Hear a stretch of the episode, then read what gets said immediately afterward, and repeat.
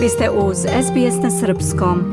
Slušate SBS radio na Srpskom. Ja sam Biljana Ristić. U sljedećih nekoliko minuta govorimo o Svetskom ekonomskom forumu u švajcarskom gradu Davosu koji je počeo 16. januara. Generalni sekretar Ujedinjenih nacija Antonio Guterres obratio se juče na zasedanju Svetskog ekonomskog foruma. Our world is plagued by a perfect storm on a number of fronts. Start with the short term, a global economic crisis.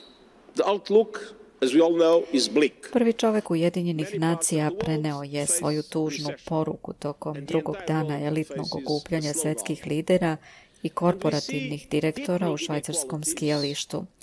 On je rekao da je svet zahvatila savršena oluja, da najširi nivoji geopolitičkih podjela i nepoverenja u posljednjih više generacija podrivaju napore za rješavanje globalnih problema koji također obuhvataju širenje nejednakosti, krizu životnih troškova izazvanu rastućom inflacijom i energetskom krizom. Također dugotrajne efekte pandemije COVID-19, prekide u lancu snabdevanja i drugo.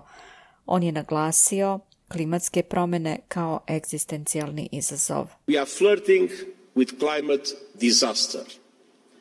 Every week brings a new climate horror story. Koketiramo sa klimatskom katastrofom. Svaka nedelja donosi novu horor priču o klimi. Emisije gasova staklene bašte su na rekordnom nivou i dalje rastu. Posvećenost ograničavanju porasta globalne temperature na 1,5 stepen skoro se pretvorilo u dim. Bez daljih akcija idemo ka porastu od 2,8 stepeni, kaže on. Guterres, koji je jedna od najglasnijih uticajnih ličnosti u svetu u pogledu klimatskih promjena, naveo je nedavno istraživanje koje je otkrilo da su naučnici u kompaniji ExxonMobil napravili izuzetno precizna predviđanja o uticaju klimatskih promjena još od 70. godina 20. veka, čak i kada je kompanija javno dovodila u sumnju da je zagrevanje stvarno. We learned last week Prošle nedelje smo saznali da su određeni proizvođači fosilnih goriva bili potpuno svesni još 70. godina da njihov osnovni proizvod peče našu planetu, rekao je on u svom govoru. Neki u velikoj nafti, kako je rekao, su prodavali veliku laž. Kritičari dovode u pitanje uticaj četverodnevnog sastanka na kojem političari, generalni direktori i drugi lideri razgovaraju o svetskim problemima i sklapaju sporazume, ali na kojem je konkretnu akciju teže izmeriti. Ekolozi su, na primjer, kritikovali privatne avione koji izbacuju štetne materije dok prevoze važne učesnike na događaj koji daje prioritet borbi protiv klimatskih promjena. Sesije na skupu su postale sumorne kada su objavljene vesti o padu helikoptera u Ukrajini u kojem je poginulo 18 osoba, uključujući ukrajinskog ministra unutrašnjih poslova i druge zvaničnike. Zatraženo je 15 sekundi tišine, a supruga ukrajinskog predsjednika Olena Zelenska je sa suzama u očima nazvala to još jednim veoma tužnim danom, a zatim poručila prisutnima da također možemo da promenimo ovu negativnu situaciju na bolje, kako je rekla. Ukrajinski predsjednik Volodomir Zelenski obratio se forumu putem videolinka, dok ukrajinska delegacija koja obuhvata i njegovu suprugu traži veću pomoć, uključujući oružje, od međunarodnih saveznika u borbi protiv Rusije.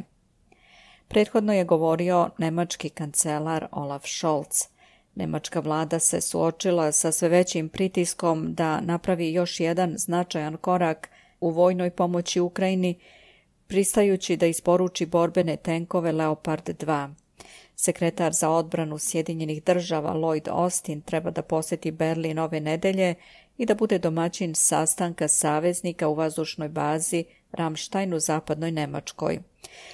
U međuvremenu Holandija je najavila dodatnu pomoć Ukrajini. Holandski premijer Mark Rutte izjavio je utorak da Holandija planira da se pridruži naporima Sjedinjenih država i Nemačke da obuči i naoruža Ukrajinu naprednim odbrambenim sistemima Patriot. Australijski ministar odbrane zvanično je predstavio planove za operaciju Kudu za podršku Ujedinjenom kraljevstvu u obuci ukrajinskih trupa. Olaf Scholz je jedini lider iz grupe sedam najvećih svetskih ekonomija koji je prisutan u Davosu. On je ponovio podršku Berlina vladi u Kijevu u odbrani teritorijalnog integriteta, ali je također govorio o energetici. Naglasio je da su obnovljivi izvori energije budućnosti Europe i sveta, a da se Nemačka sve više oslanja na energiju iz različitih izvora, prenosi radio televizija Srbije. Za nekoliko mjeseci Nemačka je postala potpuno nezavisna od uvoza gasa, nafte i uglja iz Rusije. Sklopili smo nova partnerstva u Aziji, Africi i Americi, čime smo smanjili našu zavisnost. Stoga mogu da kažem da su naše zalihe energenata za zimu osigurane zahvaljujući dobrim skladištima, efikasnijoj upotrebi, ali i zahvaljujući izuzetnoj solidarnosti u Europi i spremnosti građana da štede energiju. U Davosu je i premijer Srbije Aleksandar Vučić. Predsjednik Vučić je za radio televiziju Srbije izjavio da se tokom razgovora u Davosu upoznao sa situacijom u svetu po pitanju ekonomije i u tom smislu izdvojio da je glavna tema bila Bidenov akt koji bi trebalo da smanji ogromne investicije i inflaciju, odnosno koji treba da posluži da se Sjedinjene države reindustrializuju, da se obnovi infrastruktura.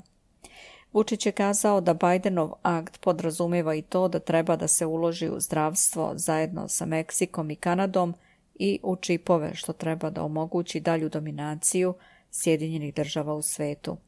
Navodi da je glavna sesija bila posvećena ekonomiji, najvećim delom i Ukrajini. Kao važan istakao je sastanak sa predstavnicima korejskih kompanija. Veoma koristan dan i ono što je za mene najvažnije bilo uz sve značajne političke susrete jeste činjenica da smo imali priliku da sat vremena predstavimo Srbiju kao investicijonu destinaciju za korejske kompanije sa bukvalno najvažnijim ljudima iz Koreje. To je za nas ogroman pomak jer kao što vidite mnoge zemlje centralne Evrope razvile su se udvostručile svoj bruto domaći proizvod upravo zahvaljujući korejskim kompanijama.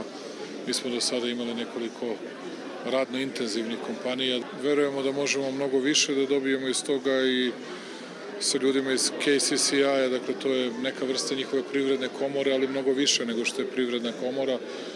Oni određuju gde će koje kompanije da idu, njihovi prometi su na godišnjem nivou od po 140 milijardi dolara, onda možete da mislite to je kao dva i po puta gotovo srpski bruto domaći proizvod i sedam puta ili osam puta srpski budžeti, tako da ljudi mogu da razumiju koliko moćnim kompanijama je reč.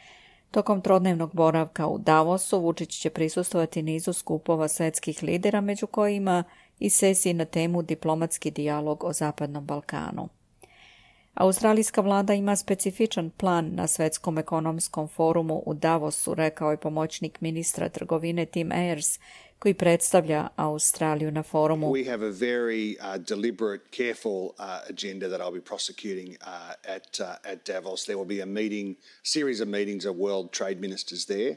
So I'll be supporting the work of the trade minister Don Farrell. Uh, as Imamo we... veoma pažljivo smišljenu agendu na kojoj ću ja insistirati u Davosu. Tamo će se održati niz sastanaka svetskih ministara trgovine, rekao je Ayers za Sky News Australija. Fokusiramo se na reformu Svetske trgovinske organizacije. To će biti zaista važno za oblikovanje agende u nacionalnom interesu Australije, a potrudit ćemo se da isporučimo visoko kvalitetni sporazum o slobodnoj trgovini Evropske unije sa Australijom i želimo da postignemo to da australijski farmeri imaju pristup svetskom tržištu, rekao je Ayers za Sky News. Što se tiče klimatskih promjena, Ayers kaže da vlada ozbiljno uzima u obzir to pitanje kao međunarodni partner.